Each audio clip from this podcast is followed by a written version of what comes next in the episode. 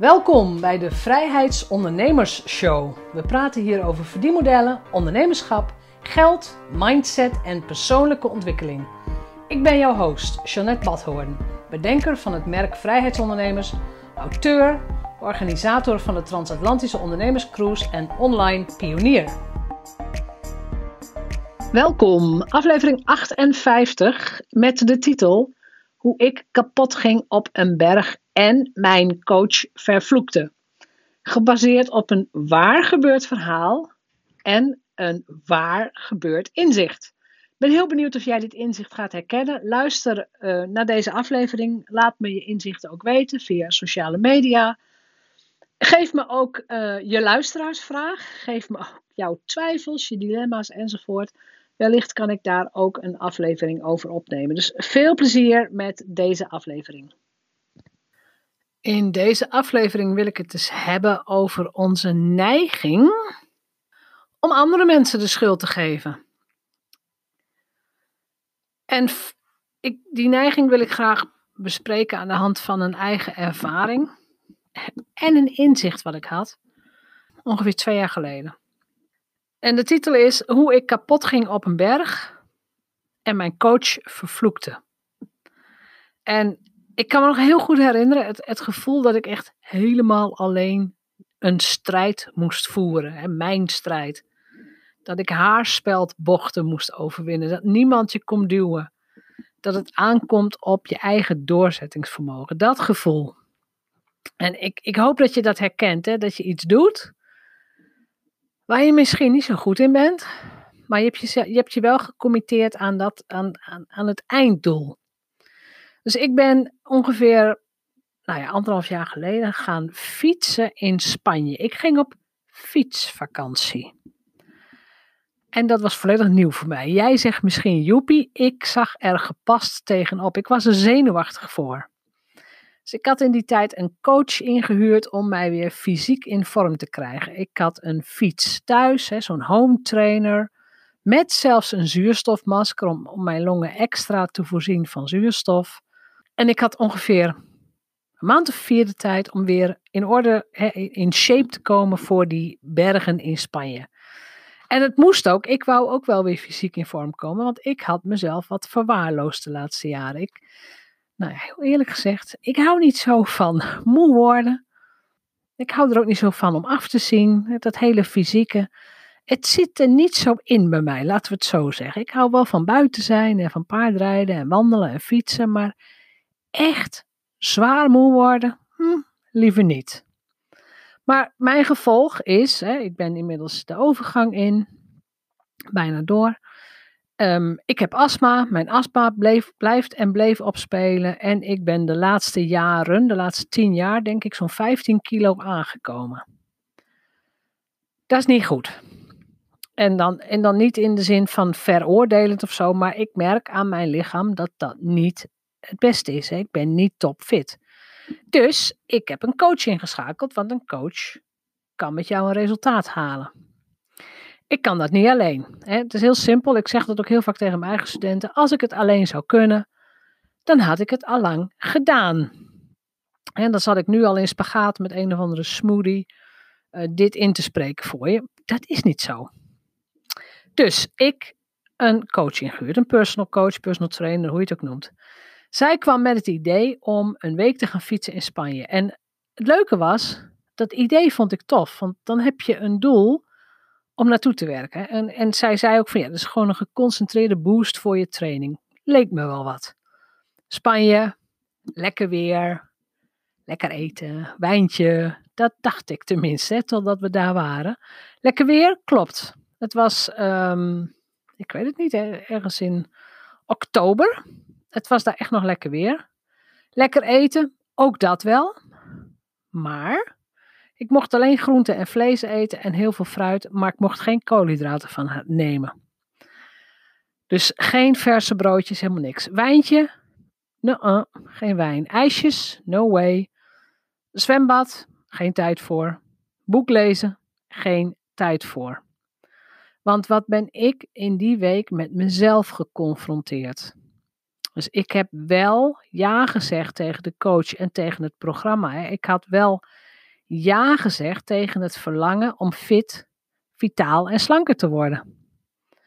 Maar ik had nog geen ja gezegd tegen de inspanning, tegen al het werk dat er bij mij komt kijken. Dus de conclusie daar was: ja zeggen tegen het verlangen levert nog geen resultaat op. Want ik moet het zelf doen. Dus hoeveel coaches er ook voor of achter mij fietsen, het maakt helemaal niks uit.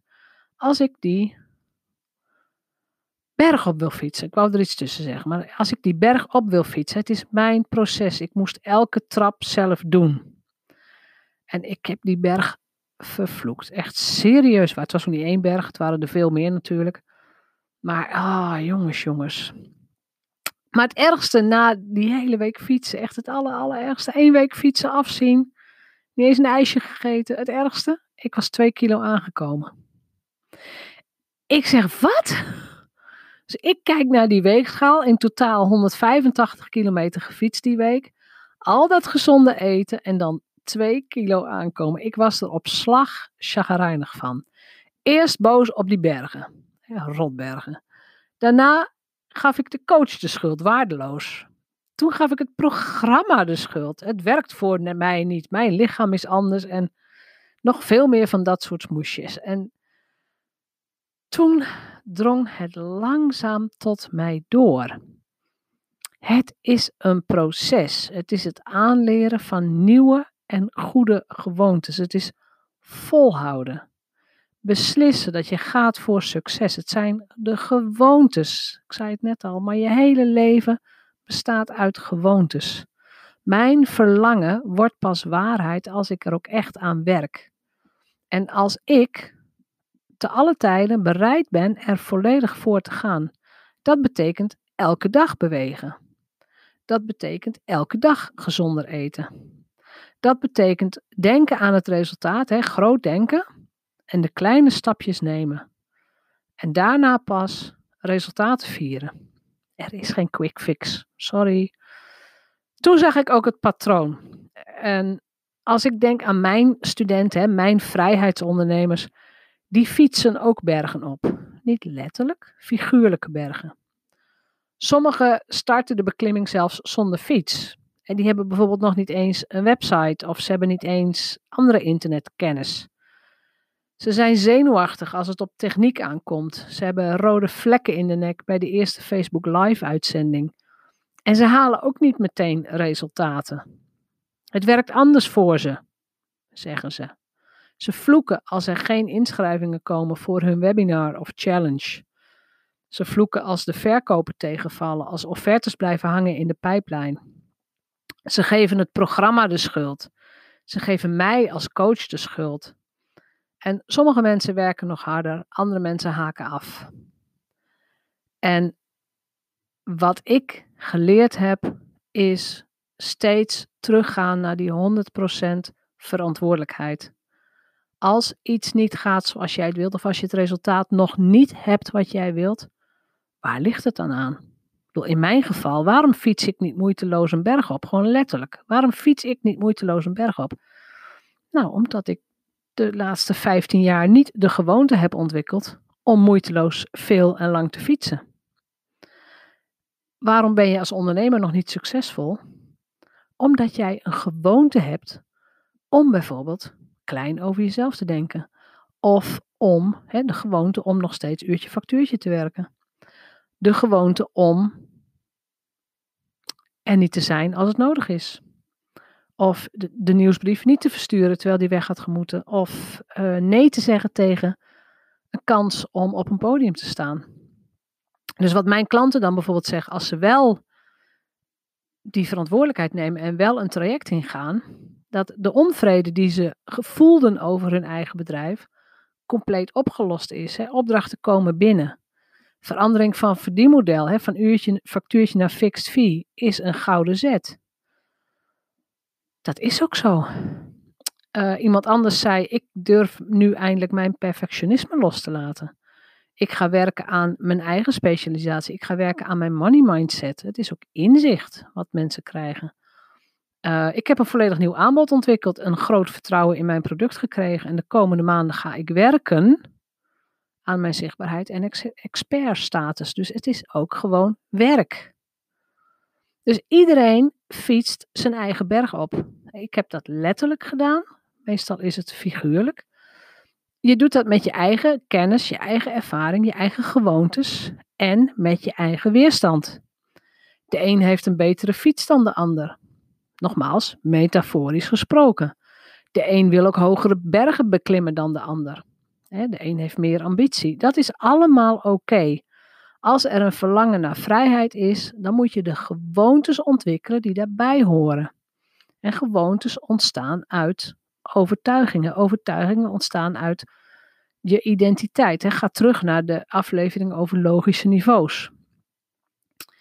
De bereidheid om het werk te doen is van doorslaggevend belang. Want als jij eenmaal op de berg, op de top van de berg staat, dan pas is er applaus in, en bewondering. Onderweg niet. En niemand ziet ook wat jij ervoor gedaan hebt. Niemand ziet die hele, die hele achtbaan die ondernemerschap is. Ze, ze klappen onderweg niet voor je. Niemand ziet jouw zweet. Niemand ziet de momenten dat je het op wilt geven. Niemand ziet de dingen die mislukken. Niemand ziet de samenwerkingen die niet lukken. Vanuit mij, weet je, ik ben ervan overtuigd, er zit altijd maar één ding op en dat is doorgaan. Na reflectie, na analyse, gewoon doorgaan. Doorgaan met waar je in gelooft. Doorgaan met het visualiseren van dat grote doel jezelf aan het werk zetten. Dus bereid zijn om het nodige werk te doen. Doorzettingsvermogen. En ook een beetje relativeringsvermogen. Je mag ook echt wel om jezelf lachen. Ik heb mezelf ook uitgelachen op die berg. Zo van, wat dacht ik wel niet? Weet je, met, met, ik, ik fietste daar met twee topfitte dames. Die hadden echt twee vingers in de neus. Berg op, berg af. En joepie de poepie. Jeanette, hoe vind je het? Ik kan me nog het moment herinneren dat ik op een gegeven moment uh, was ook was op de laatste dag met de langste tocht, 70 kilometer op één dag. En dat is geen Nederland, hè? dat zijn bergen en zo. Dus 70, 75 kilometer op één dag. En we moesten weer zo'n berg op. En op, gegeven, op een gegeven moment kwam ik dus inderdaad eindelijk boven. Nadat ik al een kwartier, twintig minuten helemaal alleen met die haarspelbochten. De, het gevecht tegen jezelf. Hè? maar ik kwam dus boven. En de dame die het begeleidt, die zegt: Hé hey Jeannette, daar ben je. Hoe vind je het? Ik stap van die fiets. Nou ja, ik viel zowat van die fiets af. Ik keek haar aan met zo'n hele chagrijnige blik. En ik zei: Ik vind er niks aan. Als ik eraan terugdenk, ik was zo chagrijnig. En ik had zo'n. Ik had, op, ik had weer, ook weer op slag honger. Ik, ik had ook echt zoiets van: wat, waarom is dit leuk?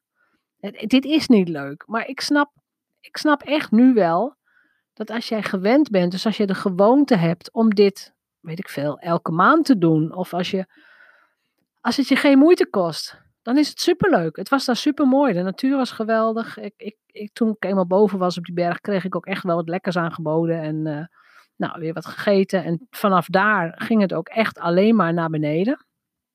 Dat vind ik dan weer wel leuk. Maar ik snap heel goed dat als er nu iets is in jouw onderneming wat je niet leuk vindt, dan moet je heel goed nadenken: heb ik een betere fiets nodig? Dus is, is, mijn, is daar waar ik het mee doe, is dat genoeg? Zijn mijn vaardigheden groot genoeg? En als het gaat om bepaalde taken, kan ik het uitbesteden. Is iemand anders daar veel beter in? Dus denk ook gewoon echt na over jezelf. Dat je, zie jezelf ook echt bergen op fietsen, want dat is het. Het is gewoon bergen op fietsen. Maar verdikke me, om boven te komen moet je gewoon doorpeddelen. Je moet gewoon niet stap voor stap, maar rondje voor rondje met je trappers door blijven gaan. Je moet, je moet zure benen krijgen. En uiteindelijk, dat is natuurlijk het mooiste als je iets hebt gedaan, of het nou fysiek of mentaal is, uiteindelijk ben je trots. Want uiteindelijk heb jij iets gedaan wat je heel graag wou. En of dat nou je eerste Facebook Live is, of het eerste boek wat je geschreven hebt, of je eerste televisieoptreden. Uiteindelijk heb je het gedaan.